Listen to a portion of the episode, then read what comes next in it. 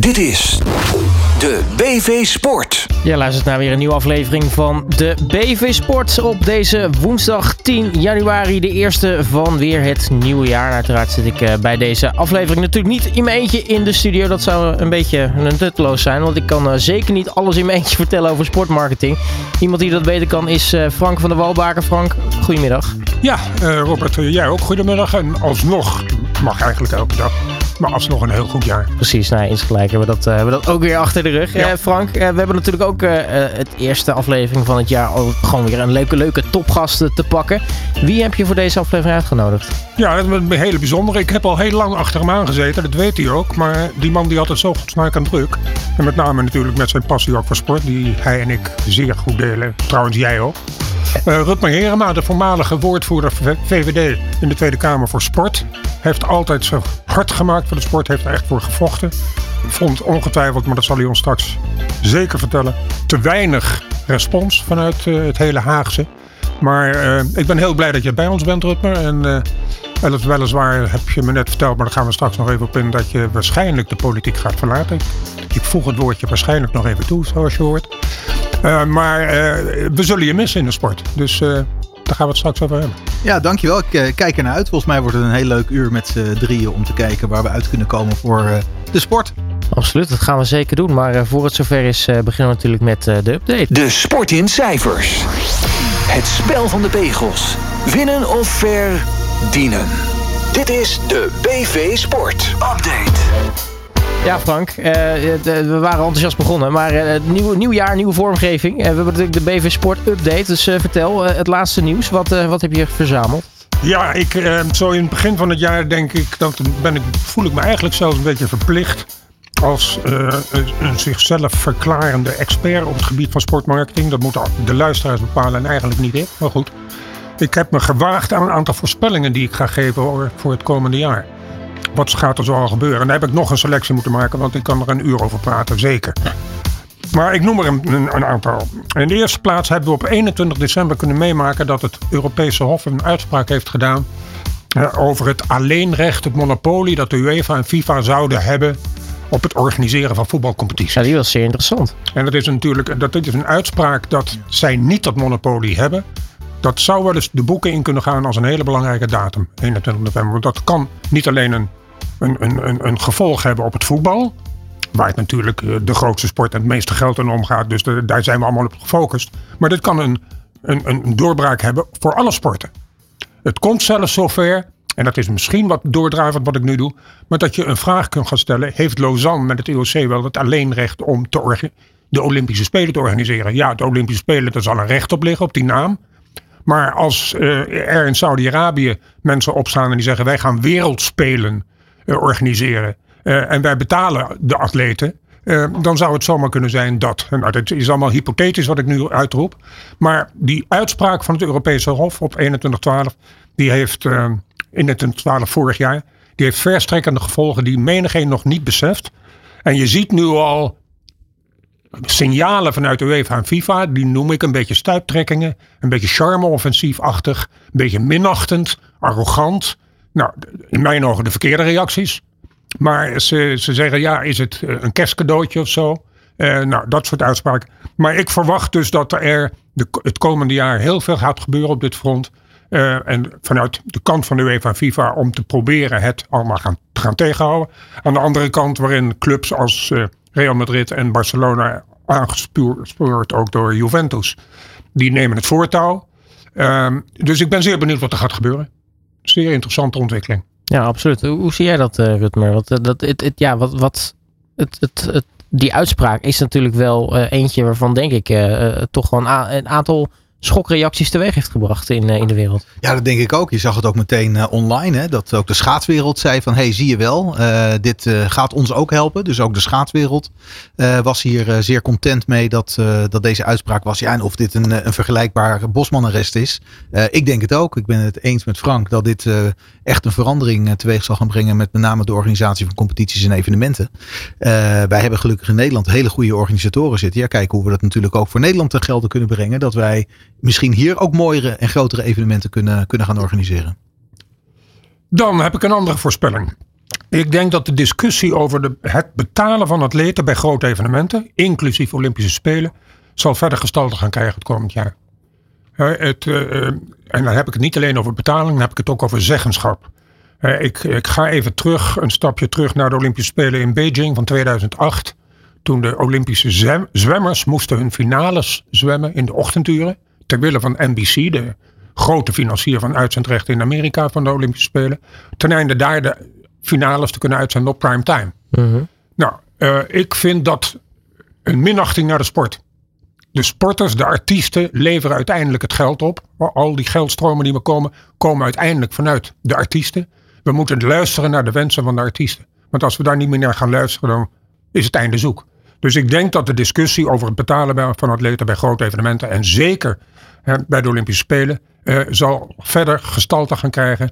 En uh, ik denk dat Thomas Bach als voorzitter van het IOC, zelf een oud atleet, uh, dat hij donders goed begrijpt wat dit voor discussie gaat worden. Kijk, het, het, het merkwaardige of het opvallende is al dat in een sport als golf bijvoorbeeld, Tiger Woods, wie kent hem niet? Ik heb straks nog wat nieuws over hem trouwens. Maar wie kent hem niet? Die heeft op een gegeven moment, of zijn management, heeft op een gegeven moment geëist van de organisatoren van evenementen. Als Tiger meedoet, krijgen we meer televisiekijkers, gaan de televisierechten omhoog. Tiger wenst mee te delen in de televisierechten. Ja. In een x-percentage. Nou, dan kunnen mensen zeggen, wat een geldwolf. Maar ik vind het logisch. Hij is de artiest. Als er, als, er, als er geen artiest op het podium staat, loopt de zaal leeg. He, dus we moeten veel meer rekening houden. En niet alleen in betaling, maar ook in, met name in de wensen, de programmering uh, van evenementen. Dat die niet zijn gericht op de televisiezenders, maar dat die zijn gericht op de optimale sportprestaties. Want de optimale sportprestaties leveren de populariteit op van de sport waar ze allemaal van houden.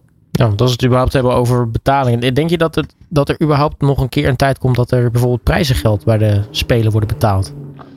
Nou, kijk, als ik zeg dat de atleten betaald gaan worden, dan zou dat kunnen worden gedaan in startgelden. Het zou kunnen worden gedaan door premies te verbinden aan overwinningen.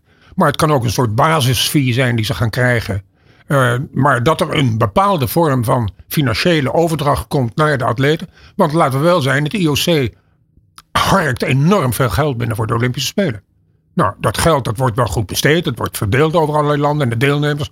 Maar niet onder de feitelijke atleten. De ja. feitelijke atleten zijn afhankelijk van hun NOC's.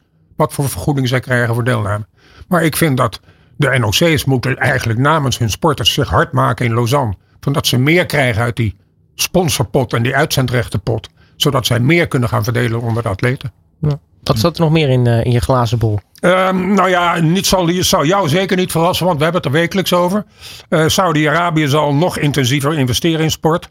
He, zowel in eigen land uh, om de infrastructuur te, op te bouwen. En de sport toegankelijker te maken voor de mensen. Daar moeten we alleen maar blij mee zijn. Want we staan altijd vooraan in de rij met kritiek op Saudi-Arabië. Nou, ik ook, want de mensenrechten daar zijn natuurlijk een discussiepunt. He, maar dat ze de sport ook gebruiken om de infrastructuur voor de sport zo te maken dat ze toegankelijker worden voor kinderen en ook voor meisjes. Dat is ook een feit. En dat moeten we niet over het hoofd zien. Maar ja, dat ze ook met hun vele geld, want ze hebben per slotverrekening niet van 650 miljard beschikbaar. Dat ze gaan voor grote evenementen. Wereldkampioenschappen voetbal zijn min of meer al toegekend. Wereldkampioenschap vrouwenvoetbal zijn ze nu ook voor in de race.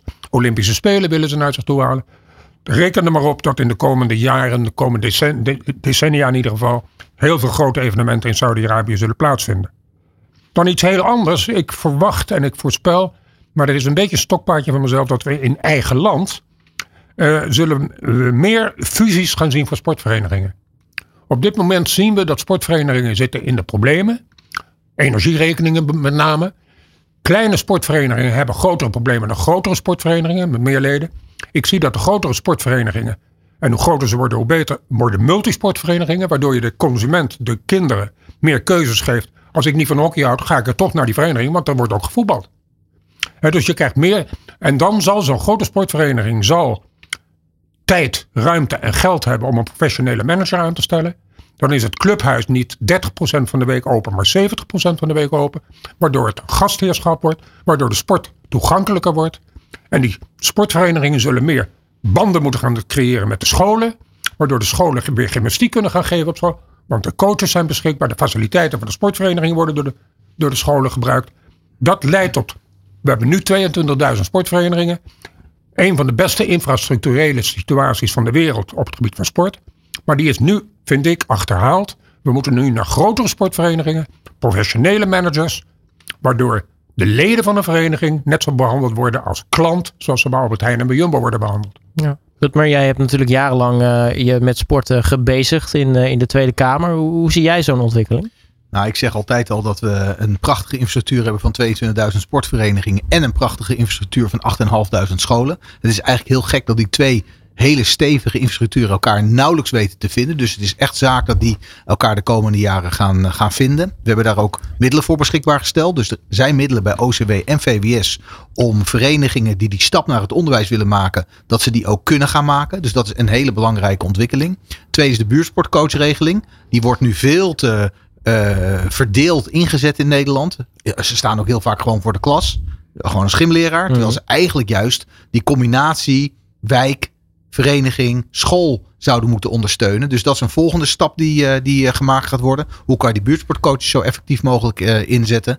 Um, en één heel positief punt. Ik dacht dat de energiecrisis na de coronacrisis voor een heel aantal verenigingen de nekslag zou betekenen. En het is gelukkig niet gebleken. Er is echt maar een handjevol verenigingen omgevallen. En ja, ze hebben het moeilijk. Ja, ze hebben energiekosten die uh, soms te hoog zijn. Uh, maar met het netwerk wat ze hebben, de gesprekken met de wethouder, uh, een aantal daadkrachtige leden die ze helpen, lijken ze er toch aardig bovenop te komen. Dan ga ik nu over naar een stap die meer gebaseerd is op gevoel, op buikgevoel, op mijn sporthart, dan op redenatie vanuit een economisch of vanuit een ja, uh, gezond verstand situatie. Mhm. Ik denk dat Nederland zich handhaaft in de top 10 landen in de medailletabel in Parijs deze zomer. Maar dat we dat moeten doen zonder de vrouwenvoetballers. Ik denk dat de vrouwenvoetballers zich niet zullen weten te kwalificeren voor Parijs. Dat vind ik heel jammer trouwens. Maar ik vrees dat. Nederland uh, wordt in de kwartfinales van het EK-voetbal, ook deze komende zomer, uh, uitgeschakeld in de kwartfinales vrees ik. En Frankrijk wordt Europees kampioen. Max Verstappen wordt voor de vierde achterin volgende jaar wereldkampioen. Uh, het seizoen zal gelukkig aanzienlijk meer spanning opleveren dan in 2023. En met de grote grootste concurrentie voor Max vanuit de hoek van Mercedes, Ferrari en McLaren. En dat, zal ook, dat is eigenlijk ook tegen mijn eigen zere want ik ben zoals je weet uh, nogal Ajax-fan. Eh, PSV wordt met een record aantal punten en een recordverschil ook op nummer 2. Landskampioen. Feyenoord wordt 2. En Ajax wordt toch nog derde. Nou. Dan de Sloveen Tadej Pogacar wint de Tour de France in mijn mhm. ogen. En Mathieu van der Poel, onze Mathieu van der Poel, prologeert zijn wereldtitel en haalt trouwens ook goud in Parijs. En tenslotte op het gebied van, nee, nog twee dingen. We hebben voor het eerst sinds lange tijd vier verschillende Grand Slam titels, winnaars uh, in het tennis, zowel bij de mannen als de vrouwen. Uh, Rafael Nadal zal het niet meer redden. Die komt ook niet meer terug, durf ik te voorspellen. Die heeft een te grote ballast op zijn eigen lichaam gelegd. Kan helaas niet meer terugkomen. En dan nog even weer naar eigen land. Zowel Sifan Hassan als Femke Bol winnen allebei twee keer goud in Parijs. Durf ik ook te voorspellen. En de laatste, en dat is weer een ander soort voorspelling. Wij bekennen op dit moment Saudi-Arabië dat heel veel voetballers koopt met veel geld. Mhm. Om de, de, lokale competitie meer input en meer te motiveren. De Major League Soccer zal zich nadrukkelijker gaan roeren in de transfersituatie in Europa. Waarom? Ze hebben vanuit de transfer van Lionel Messi naar Inter Miami hebben ze geleerd dat dat niet alleen goed was voor Inter Miami, maar voor de hele Major League Soccer. Er zijn opeens enorme mediacontracten afgesloten. Dus ik ben ervan overtuigd dat, dat de Amerikanen nu de kracht zien van de Europese voetballers. En dat die zich ook gaan mengen in de transfermarkt. En dat een hoop bekende namen, grote namen, hè, zoals Lionel Messi, kiezen niet voor Saudi-Arabië, maar voor Amerika. Ja, wat dat betreft eh, de, de, de, de, voorspellingen van jou, Frank. Ja, je, je, hebt het je mag erop terugkomen. Ja, ik bedoel, je hebt, het, je hebt het nu natuurlijk op zender geroepen. Dus we kunnen je er altijd aan, uh, aan houden. Uh, voordat je doorgaat met het nieuws, gooi ik er nog even nieuws in. Want dat kwam ons ter oren, nou ja, werkelijk waar een paar minuten voor de uitzending starten. En dat is dat de heer Hendricks weg is bij, bij Ajax. En daar ben jij natuurlijk groot fan van. Ja, ik ben altijd een fan geweest van Maurits. Ik ken hem uit zijn tijd als hockeycoach. En zoals je weet organiseerde mijn bureau de, de grote hockeytoernooien in, in het Wagenerstadion in Amsterdam. Dus ik heb Maurits goed leren kennen. Um, ook, ik ben altijd een fan van hem geweest. Ik vind dat hij instrumenteel is geweest in de oranje successen uh, op Olympisch niveau. Uh, hij heeft echt een, een koerswijziging, mede om, door Mickey Huibrechts in de tijd de voorzitter van het eh, NOC, heeft hij een koerswijziging in, in gang weten te zetten waarin echt een accent werd geplaatst op de kanshebbers op medailles. En niet maar heel breed verdelen alle gelden, want dan ben je middelmatig bezig. Hier moet je focussen op de medaillekanshebbers. Per slotverrekening ook terecht, want hij werd afgerekend op het aantal medailles. Dat was zijn taak, zijn opdracht. Um, dus uh, ja, ik ben een fan van hem. Uh, ik heb wel, moet ik eerlijk zeggen, de stap naar Ajax heb ik, heb ik een vraagteken bij gezet. Want de voetbalwereld is toch een apart wereldje. En of daar nou een, een, Maurits Hendricks in zou passen, die toch gauw aangeduid zal worden, hetgeen ook waar het is geworden, het hockeymannetje. Terwijl hij veel meer in zijn mars heeft, heeft hij aangetoond bij het NOC. Maar uh, dat hij weg zou gaan, uh, dat was eigenlijk wel voor iedereen duidelijk. Er moet een absolute revolutie eigenlijk plaatsvinden binnen Ajax. Want het is, uh, ja, het is uh, droevig, het is verdrietig, het is een drama wat daar gaande is. En je kunt wel zeggen, daar, daar heeft de trainer, coach en de spelers hebben daar niet, weinig of niets mee te maken. Is natuurlijk onzin. Onrust in de tent, zijpel door naar het veld. Hoe je dat bent of keert. Ja, Rutmer, jij kent uh, Maurits Hendricks natuurlijk ook goed. Ja, ik heb de afgelopen jaren heel regelmatig en uh, met veel plezier met hem samengewerkt. Ook samen echt een paar mooie dingen voor elkaar gekregen. Als het ging om de financiering van topsport bijvoorbeeld. Uh, zijn resultaten zorgden ervoor dat in de Kamer meer geld beschikbaar uh, gesteld kon worden voor topsport. en dat, dat, dat was mijn taak dan weer. Dus een goede samenwerking. en de vraag die erachter zit volgens mij, achter wat er nu vandaag is gebeurd. in antwoord op Frank was Maurits niet passend bij het voetbal? Of past het voetbal niet bij de topsportmentaliteit van Maurits? En die vraag zou ik wel graag beantwoord willen zien de komende tijd. Normaal gesproken natuurlijk nog veel meer nieuws. Maar wij gaan zo meteen natuurlijk langzaam door met uh, onze gast van vandaag. Uh, maar mocht je iets missen, uh, luister altijd gewoon naar de, de BV Sport Update. En dan ben je weer op de hoogte. Absoluut. Dit is de BV Sport. De BV Sport inderdaad hier op uh, All Sports Radio. En uh, vandaag bij ons te gast. Je hoorde hem zojuist al even. Rutmer Herema, voormalig Tweede Kamerlid. Ook nou ja, sport in zijn portefeuille namens de VVD. Rutmer, ja, normaal gesproken spreken wij elkaar in, in Den Haag, in, in Nieuwsport, tijdens een debat van Uniek Sporten. welkom in de studio allereerst, want ik, ja, volgens mij ben je hier nog niet geweest. Dit is mijn tweede keer. Tweede ja, keer? Tweede keer. Oh, je bent natuurlijk al een keer... Uh, ja, nee, maar dat is het vorige pand inderdaad. Het zou het vorige pand geweest, maar ik ben een keer eerder bij Allsport Radio geweest. Ja. Nou, hartstikke mooi. Nou, dan uh, welkom terug dan in dat, uh, dat geval. Hey, Rutmer, um, je bent natuurlijk sinds december Kamerlid af. in de tussentijd heb je denk ik even kunnen genieten van wellicht wat rust wat op je af is gekomen. Maar nou, hoe, hoe ziet voor jou het, het nieuwe jaar eruit? een beetje, beetje gunstig nieuwe avontuur op je pad? Ja, kijk, ik had uh, in augustus de beslissing genomen om te stoppen met de politiek in Den Haag. Uh, alleen, ja, het was nogal onrustig vanuit een andere rol die ik in Den Haag heb. Namelijk de voorzitter van de Commissie Buitenlandse Zaken. Er gebeurde iets tussen Israël en uh, Gaza. Waardoor mijn werk tot aan het eind echt heel druk is geweest. En ook de week na de verkiezingen, dus de week na 22 november, moest ik nog debatten voorzitten. Specifiek over dit onderwerp. Dus eigenlijk is het niet dat ik vanuit, vanaf 22 november vrij ben. Maar eigenlijk pas vanaf 5 december. Dat we de overdracht van de Kamer hadden. Ja, dan uh, heb je kerst, oud en nieuw. We zitten nu een weekje verder. Dus eigenlijk heb ik nog niet heel veel rust kunnen nemen. Tussen kerst, oud en nieuw ben ik ook even ziek geweest. Corona gehad. Uh, dus uh, ja, het begint eigenlijk nu pas om de rust te nemen en me te gaan oriënteren op uh, wat ik hierna ga doen. Je bent vanaf 2013 uh, ben je in de tweede, zat je in de Tweede Kamer. Uh, woordvoerder voor sport en onderwijs. Nou, dat zijn twee dingen die gaan hand in hand, vind ik. En dat vind jij ook, dat weet ik. Maar hoe, hoe, hoe, hoe ben je zo in de politiek terechtgekomen? Vertel dat eens. Nou, mijn moeder die was vroeger altijd heel politiek actief bij de Partij van de Arbeid. En wij kregen allemaal wethouders en burgemeesters uit de regio bij ons thuis op bezoek. En ik merkte als klein jongetje al dat ik het daar niet mee eens was. Zij praten over mensen alsof ze in een hangmat gelegd moesten worden en verzorgd moesten worden. Terwijl mijn, van diep van binnen had ik al het gevoel, nee, maar mensen moeten voor zichzelf zorgen. En wij moeten zorgen dat mensen in staat worden gesteld om het beste uit zichzelf te halen. Ik zat op zwemmen. Vanuit het zwemwereldje kende ik Erika Terpstra. Erika Terpstra sprak ik een keer bij een wedstrijd. En die zei tegen me, Rutmer, volgens mij moet jij een keertje bij mij in Den Haag komen kijken. Want ik denk dat de politiek misschien wel iets voor jou kan zijn. Dat was in 2003 of 4. Uh, toen was ze Kamerlid. Ik ben een dag met Erika meegelopen. Zij heeft me opgegeven voor een cursus. Een uh, potential cursus in Noord-Holland. En uh, dat had ik met goed gevolg afgesloten. En ik mocht raadslid worden in Alkmaar in 2006. En ja, daar is mijn politieke carrière begonnen. Eerst lokaal raadslid, fractievoorzitter in uh, Alkmaar en vervolgens de Tweede Kamer in. Ja, overigens voor de mensen die het niet uh, weten. Jij zegt al, ik, ik was zwemmer, maar ook uh, behoorlijk begenadigd zwemmer. Ja, ik, ik zat op dat moment in het Nederlands team, in het zwemteam, jeugdzwemteam. Samen met Pieter van Hogeband, dat was mijn maatje. We waren al twee 78ers.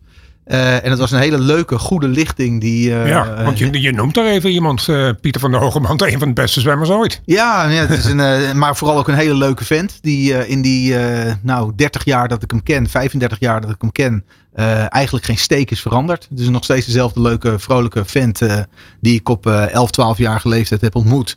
En met wie, ik, met wie ik heel veel toernooien heb gezwommen. Ehm, ik ben denk ook een van de weinigen in de wereld die ooit van hem gewonnen heeft. Op een afstand die hij daarna nooit meer gezwommen heeft. Kijk, dat wil je niet horen. De 200 meter vlinderslag. Dat, ik kon veel harder trainen dan hij namelijk. En de 200 vlinder is de zwaarste afstand. En uh, nou, die heeft hij daarna nooit meer gezwommen, weet ik. En uh, ja, dat, dat, dat was een fantastische periode toen. Ja. Rutmer, een, een vraag die mij op de lippen brandde toen we uh, van jou het jaarwoord kregen om hier bij ons te zitten. Waarvoor overigens nog mijn dank. Uh, waarom heeft Nederland eigenlijk geen minister van sport? Nou, ik heb dat mezelf ook best vaak afgevraagd de afgelopen jaren. En het antwoord ook gevonden. Uh, in Den Haag is sport simpelweg een te klein onderdeel om een aparte minister voor aan te stellen. Uh, de budgetten zijn heel klein. we hebben ooit wel eens een staatssecretaris sport gehad. Uh, daar ben ik helemaal geen voorstander van. Want de staatssecretaris zit niet bij de ministerraad. En heeft dus maar op heel weinig momenten. Nee, en is ook eigenlijk per definitie tweede keus. Inderdaad. En ja. dan zit je echt niet bij de grote gesprekken aan tafel. Dus ik vind het goed dat het bij een minister aan, uh, aan toegevoegd is. En dan is de minister van Zorg wel de meest logische. Want die gaat over 80 tot 100 miljard. Dus die heeft echt een budget. En als die dan ook wat zegt over sport dan heeft het wel gewicht aan tafel. Het is natuurlijk doodzonde dat we geen minister van sport hebben. Want het geeft wel aan hoe belangrijk we sport uiteindelijk in Den Haag vinden. Maar jij als sportgek kent dus ook de, de gevoelens van sport. Uh, onder andere de, de drijfveer om het beste uit jezelf te halen. Ja. En het beste te halen uit wat je aan het doen bent. Is het dan niet iets voor jou om te blijven zitten en gekoet minister van sport te worden? Nou, ik zou het fantastisch vinden om minister van Sport te mogen zijn. Alleen, uh, heel realistisch gezien, gaat dat niet gebeuren in Nederland. Uh, A, omdat het budget te klein is. B, omdat uh, ja, er te weinig gebeurt op het gebied van sport. Het is een begroting van 300, 400 miljoen, that's it. Waarvan 200 miljoen uiteindelijk maar echt door de Kamer wordt be bepaald. Dus ik denk dat, dat, dat het gewoon geen realistisch scenario is dat wij ooit een minister van Sport gaan krijgen. Oh nee, dat, dan, uh, dat, ik wilde inderdaad dan vragen. Uh, denk je dat die positie er überhaupt ooit zal komen? Maar ja, Den Haag vindt dat dus niet belangrijk genoeg, neem ik aan. Dan? Nou, nog, nog niet. En uh, ik sluit niet uit dat als het ooit gaat lukken om de budgetten van sport bijvoorbeeld te verdubbelen. Dat we richting de miljard gaan. Hè? Wat eigenlijk vind ik nodig is mm -hmm. om sportbeleid in Nederland goed vorm te geven. Dat we verenigingen helpen, maar dat we eigenlijk aandacht geven aan allerlei onderwerpen waar we nu geen aandacht voor hebben. Oudere sport, als het gaat om talenterkenning en ontwikkeling. Als het gaat om opleiding van trainer-coaches. Dat doen we allemaal eigenlijk niet. Uh, als we dat allemaal kunnen gaan oppakken. En we kunnen de budgetten fors verhogen. Dan zou ik me kunnen voorstellen dat in zo'n transitie om sport belangrijker en groter te maken. Er een minister van sport aangesteld zou kunnen worden. Ik zie het alleen oprecht dit, op dit moment niet, niet gebeuren. Maar jij als insider in Den Haag, eh, vertel mij, wie wordt de, de nieuwe minister van VWS? Uh, ik zou mijn kaarten zetten op Fleur Agema. En uh, ik ken haar niet, jij kent haar wel. Uh, is de sport daar goed mee gediend? Ehm, zij heeft de sportdebatten nooit gedaan. Dat liet ze altijd over aan Vicky Maier. Dat was haar sportwoordvoerder bij de PVV. dus zij heeft over sport niet vaak iets gezegd in de Kamer. Ehm, dus dat weet ik oprecht niet. Ik hoop natuurlijk van wel. Uh, en dat ze ook een, in ieder geval een warm hart gaat ontwikkelen voor sport. Want het is uiteindelijk het mooiste onderwerp wat er is. Um, zij is van de partij van Wilders. Ja. Denk jij dat Wilders premier gaat worden? Uh,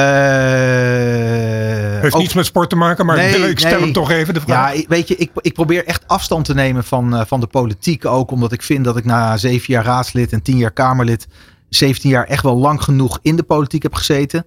Ehm, ik, uh, ik, ik, ik hoop dat ze ergens op uitkomen in een, uh, een regeerakkoord waar ook sport een mooie positie gaat krijgen.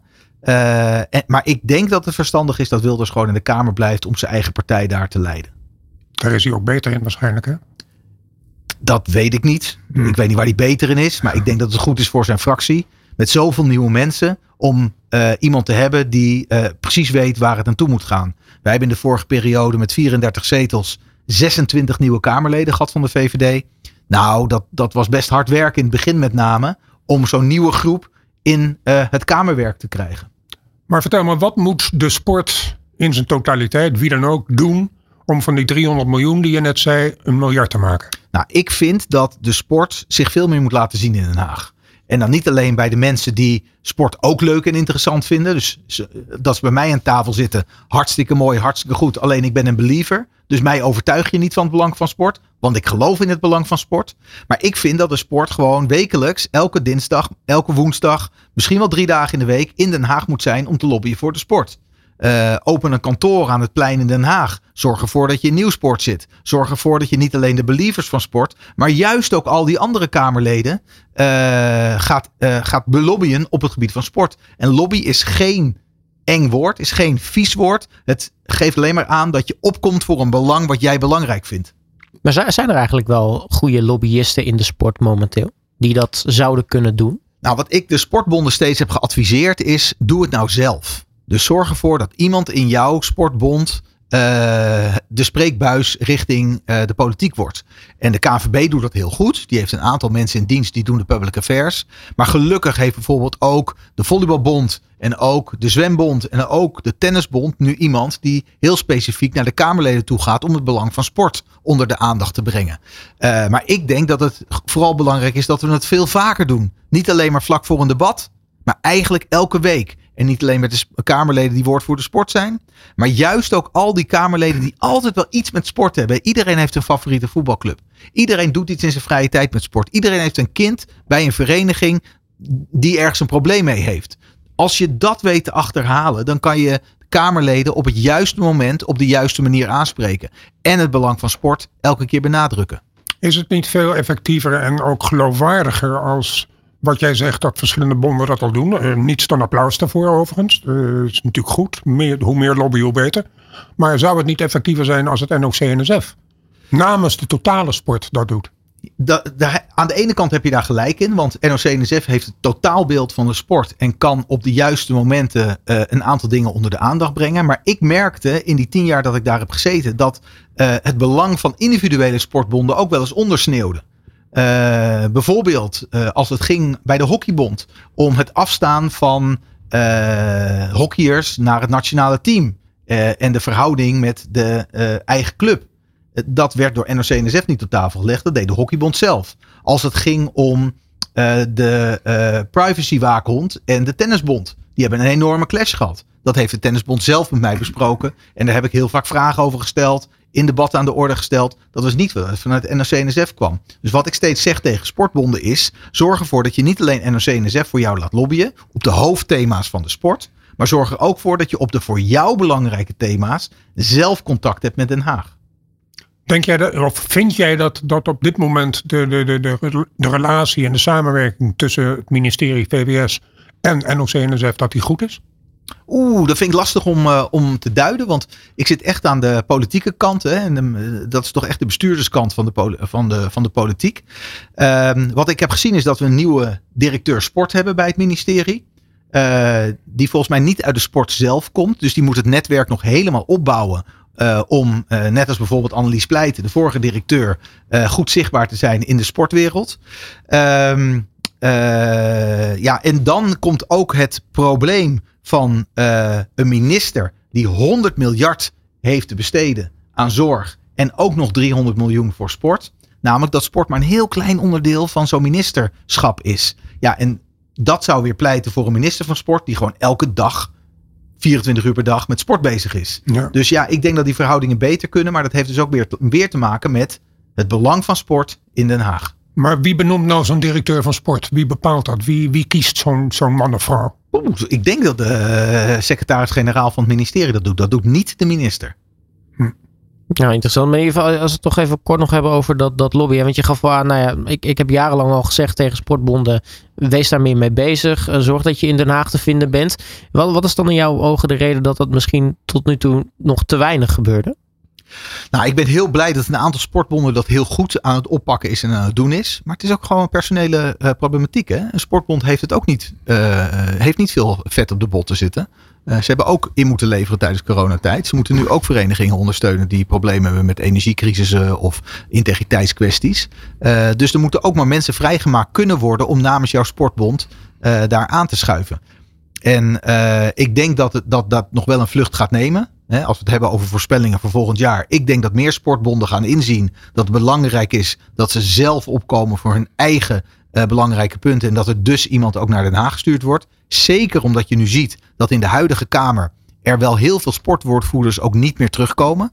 Uh, dus de relaties moeten ook opnieuw opgebouwd worden. Mm -hmm. En dan kan dit echt helpen. Ja, in hoeverre is dat bijvoorbeeld de, de, de zelfredzaamheid van de sport nog een, een issue geweest daarin? Want nou, dat, dat zie je vaak dat, nou, dat ook tijdens corona is er dan een probleem.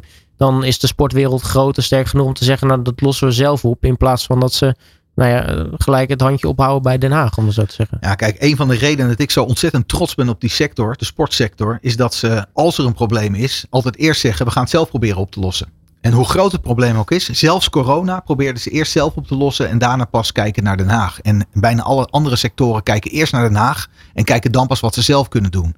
Uh, maar dat zorgt er ook voor dat sport dus vaak achteraan staat als het gaat om verdeling van middelen, geld. Als het gaat om wet en regelgeving. Wanneer mogen kinderen weer wel of niet sporten? Mogen we weer wel in een elftal sporten of moeten er nog steeds vijf blijven? Mogen ze wel boven de 18 samenspelen of alleen onder de 18? Dus die discussies vonden allemaal plaats. Um, uh, terwijl de sport nog niet heel erg goed voor zichzelf aan het opkomen was. Uh, dus ja, het is heel belangrijk dat ze, dat ze uh, zelf proberen dingen op te lossen. Maar um, een politieke antenne in de sport die aangeeft, maar nu is het moment om naar Den Haag te gaan en om hulp te vragen. Dat zou heel erg waardevol zijn voor die sector. Uh, Rutmer, uh, we hebben het uh, natuurlijk over de geldstroom in de sport. En dat we hopen dat die 300 miljoen nog eens een miljard wordt. We hopen ook natuurlijk dat er vanuit de hoek van de andere financiers, de sponsors, uh, wellicht uh, nog meer gaat komen. Denk jij dat, even generaliserend, dat de sport op dit moment zichzelf goed genoeg verkoopt? En ik zal je zeggen waarom ik deze vraag stel. Ik, ik ben namelijk van mening dat er nog te veel focus is op een reclamebord, een logo op een shirt, een tribunekaart, een parkeerkaart, uh, een glaasje wijn en een bitter, bitterbal. En te weinig op de sociaal-maatschappelijke functie die de sport vervult in de samenleving.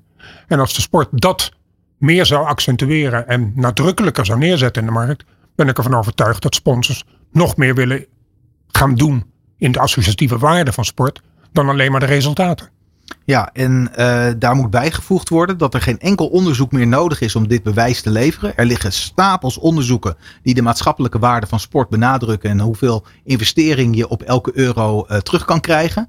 Um, uh, en dan gaat het om het verkopen van het juiste verhaal. En ik zie dat de sport daar nog niet goed genoeg in is. Niet richting Den Haag. En op individuele basis wel tegen een aantal sponsoren, maar als sport als geheel niet richting de sponsorwereld. De enige die er heel erg in geïnteresseerd is geraakt de afgelopen jaren zijn de gokbedrijven. Die hebben in grote mate uh, de sport gevonden om daar uh, um, geld in te investeren. En waarschijnlijk ook geld uit te halen. Hè? En dat heeft er wel toe geleid dat in Den Haag echt een anti-bedrijfshouding in de sport is gekomen. Ik probeerde steeds te benadrukken, het zijn gokbedrijven. En het zijn de hoge risicobedrijven. Dus laten we alsjeblieft de staatsloterij buiten beschouwing. Laag risicoloterij. Laten we alsjeblieft andere sponsoren buiten beschouwing. Heel belangrijk voor de sport dat die blijven bestaan. Um, maar dat anti uh, uh, bedrijfsleven sentiment in de Tweede Kamer is wel erg groot geweest de afgelopen jaren. Dat is natuurlijk heel jammer. Want we leven ook in een maatschappij die met de dag kritischer wordt. Door externe omstandigheden en door interne omstandigheden. Waar trekken we de lijn? Kijk, jij zegt nu, je noemt terecht gokbedrijven, dat daar een hoop mensen tegen zijn in de sport. Begrijp ik ook nog. Maar waar trek je de lijn? Uh, is een Coca-Cola is dat geen gezond product voor de jeugd? Uh, luchtvaartmaatschappijen zijn wat CO2-uitstoot betreft ja. niet erg uh, happy in de huidige wereld met volop kritiek op wat ze uitstoten. Terwijl een Emirates is een van de grootste sponsors van sport in de wereld. Dus waar trekken we de lijn? Leven we niet in een maatschappij waarin de consument hoe langer hoe kritischer wordt en op een gegeven moment zegt McDonald's, nee, mag niet meer sponsoren van sport. Nou, je hebt het in Amsterdam gezien, waarbij uh, een wereldkampioenschap werd georganiseerd. Waarbij verplicht werd gesteld door de gemeente Amsterdam dat de sponsoren uh, van goede huizen moesten zijn. Geen suikerhoudende drankjes, uh, geen McDonald's inderdaad of snackbar-achtige sponsoren. En ik denk dat je dan echt een stap te ver gaat. Dus mijn inzet in de Kamer is ook altijd geweest. Wat mij betreft is bedrijfsleven een hele belangrijke pilaar onder het sportbeleid in Nederland. Uh, en dat mag ook nog wel veel groter. Uh, dus we moeten daar niet terughoudend in zijn. Niet bij het organiseren van evenementen. Niet in het structureel financieren van teams of sportbonden. Um, en ik ben heel benieuwd hoe die nieuwe Kamer daar straks ook mee omgaat. Want er zijn A, allemaal nieuwe partijen. Een nieuwe verhouding. Nieuwe woordvoerders. Dus er komt binnenkort een uh, sportdebat. Dat is altijd aan het eind van het jaar. Dat is nu dus doorgeschoven naar begin van dit jaar. En ik ga dat natuurlijk wel even kijken om te zien hoe de verhoudingen in de Kamer liggen. Ook als het gaat om de financiering van sport. Um, jij hebt een keer 10 miljoen extra geregeld voor de sport. Nou, een aantal keer zelfs. Hoe heb je dat gedaan? Nou, eerst in, eh, de eerste keer was in 2016. Uh, toen hadden we fantastische resultaten in uh, Rio de Janeiro. Uh, en toen was iedereen in de Kamer was zo trots op onze sporters. Ik heb dus direct een amendement ingediend om 10 miljoen euro extra voor topsport vrij te maken. En ja, iedereen was zo enthousiast, daar konden ze toen geen nee meer tegen zeggen. Want dan, dat staat wel heel erg gek. Dus dat was de eerste keer dat er 10 miljoen beschikbaar werd gesteld. In 2017 heb ik het regeerakkoord uh, sport mogen schrijven. Waarin ik ook 25 miljoen euro extra kreeg om te verdelen. Ik heb dat onderverdeeld in 10 miljoen nog een keertje voor topsport, structureel. 10 miljoen uh, voor sportbonden en verenigingen. En 5 miljoen voor evenementen. Uh, in 2021 hebben we opnieuw het regeerakkoord mogen schrijven. Daar zat weer 25 miljoen euro extra voor sport in. Alleen dat was nog niet verdeeld. Dus daar hebben we 1 miljoen euro structureel naar TIALF gedaan. En 24 miljoen hebben we op allerlei momenten en plekken in de begroting een plek laten geven. Maar wie wordt jouw opvolger bij de VVD als woordvoerder voor sport? Ja, dat is nog onbekend. Uh, het zou Simone Richardson worden, maar die stond op plek 32 uit mijn hoofd, dus die heeft het niet gered. Nou heeft de VVD gezegd, wij gaan niet in de regering zitten. Dus ik hoop ook dat ze woord houden. Want dan zou het betekenen dat Erik van den Burg geen staatssecretaris of minister wordt. En ik zou het fantastisch vinden als Erik mijn opvolger in de Kamer wordt. Nou, dat kan ik me voorstellen. Ik heb ook met Erik mogen werken toen hij in Amsterdam zat als wethouder. En met allerlei sportdingen in Amsterdam en de omgeving. Ze worden inderdaad prettig mensen. En ook een sporthart. Net Absoluut. Als, net als jij. Nou, nu heb je dus hele mooie dingen gedaan in de afgelopen jaren in, uh, in de Kamer. Als je terugkijkt op die periode, waar ben jij dan zelf het meest trots op eigenlijk? Nou, eerlijk gezegd heb ik in die hele periode maar één keer echt kippenvel gekregen. En dat was toen het lukte om buiten de coalitie om, terwijl ze ook niet wisten wat ik aan het doen was, uh, met een amendement twee uur bewegingsonderwijs voor elke basisschoolleerling in Nederland te regelen. Er is geen enkel vak in het basisonderwijs met een urennorm. En lichamelijke opvoeding is nu het enige vak wat twee uur urennorm heeft. Um, het CDA wist dat niet, D66 wist het niet, ChristenUnie wist het niet dat ik uh, een meerderheid achter mijn amendement had gekregen. Ik heb deze, tegen ze gezegd, ja ik probeer het, hè, we proberen dit al twintig jaar als VVD. Het zal wel niet lukken, maar ik moet het voor mijn achterban toch doen. En uh, het amendement kwam in stemming. Er gingen 78 vingers omhoog. Omdat ik samen had gewerkt met de SP. Partij van de Arbeid. Partij voor de Dieren. GroenLinks. Echt iedereen behalve de coalitie. En er gingen genoeg handen omhoog. En mijn amendement had het gehaald. En dat was echt een kippenvel moment. Omdat ik wist dat op dat moment. Vanaf dat, dat moment. Alle kinderen in Nederland gewoon twee uur bewegingsonderwijs gingen krijgen. Dat is natuurlijk fantastisch. Heel mooi. Ik wou het uh, nu eventjes. Um, um, ik weet dat jij een sporthart hebt. Dat je dus ook eigenlijk een soort junk bent, net als ik. Uh, maar dat wil ik ook voor onze luisteraars even laten blijken. Nu ga ik je wat vragen stellen over de sport zelf. Um, je hebt op jouw werkkamer heb je allemaal shirts hangen. Zeker. Welke sport is nou jouw favoriete sport? Of het feit dat je natuurlijk gezwommen hebt. Maar... Ja, eh, ik vind dat, die vraag wordt me regelmatig gesteld. Maar ik vind zoveel sporten leuk om te kijken. Maar als ik echt moet kiezen, bijvoorbeeld uit het shirtje op mijn kamer waar ik de meeste waarde aan hecht, is het het shirtje van uh, Schoot.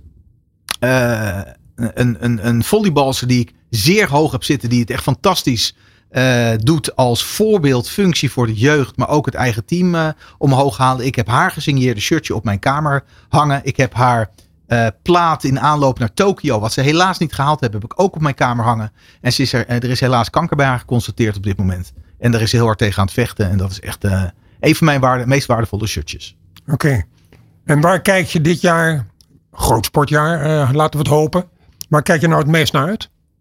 Um, ik ben sinds een tijdje ben ik uh, veel meer betrokken geraakt bij atletiek. Mijn dochtertje zit op atletiek in een hele talentvolle jonge pupillengroep. Die ook uh, Noord-Hollands kampioen is geworden.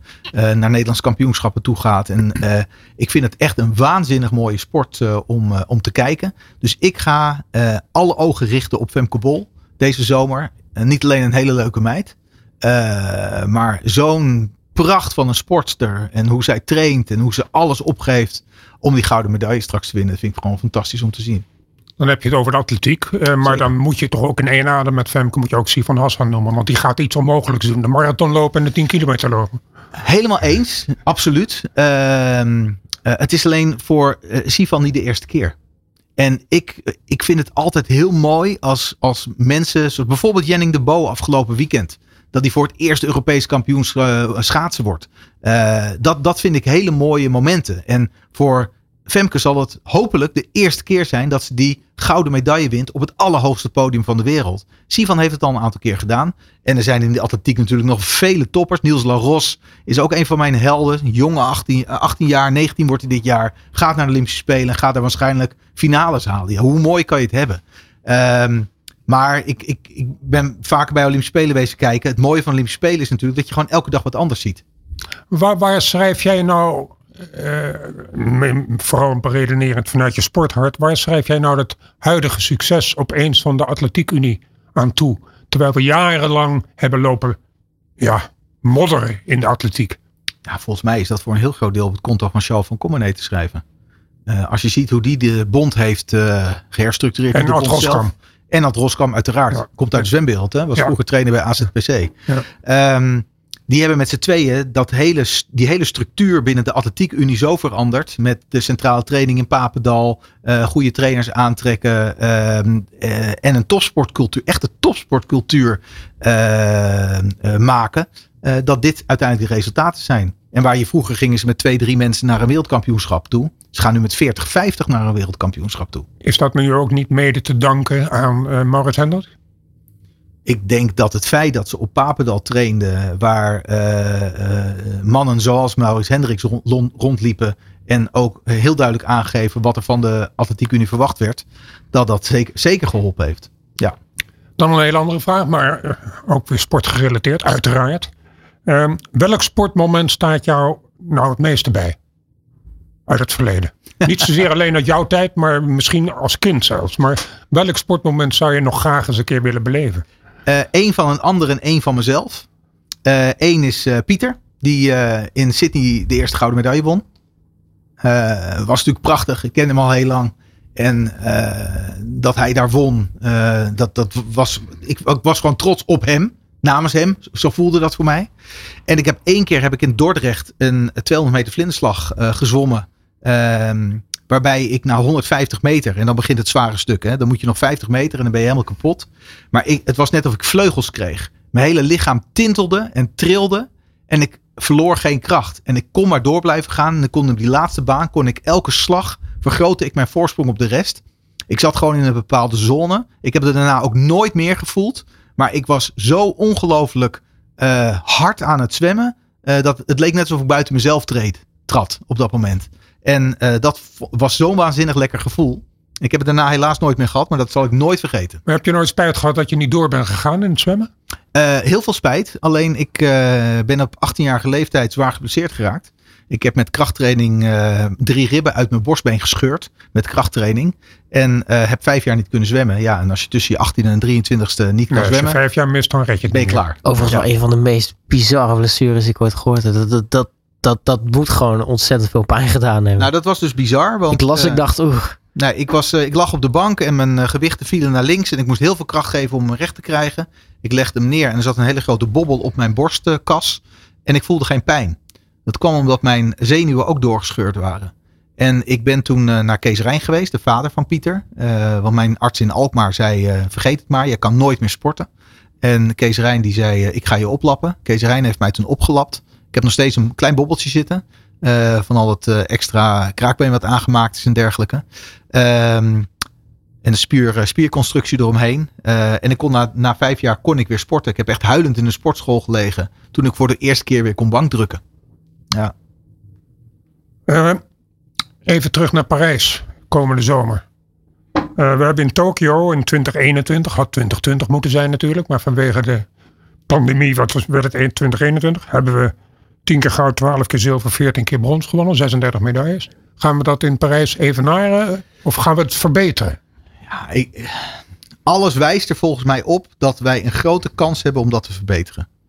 Als je kijkt naar de talentvolle groep die we nu klaar hebben staan voor Parijs. Um, zou het mij helemaal niet verbazen als, als we dat aantal gaan verbeteren. Jij gaf in jouw voorspelling aan dat we bij de beste tien landen van de wereld uh, blijven horen. Ik geloof er ook uh, heel sterk in. Um, en ook de, de, de voorspellingen die gedaan worden door de gerenommeerde bureaus. Die vaak een vrij goed beeld geven over medaillecapaciteit van een land op een Olympische Spelen. Geven aan dat wij een record aantal medailles zouden kunnen gaan halen. Vind je het niet eigenlijk merkwaardig, maar wel heel leuk.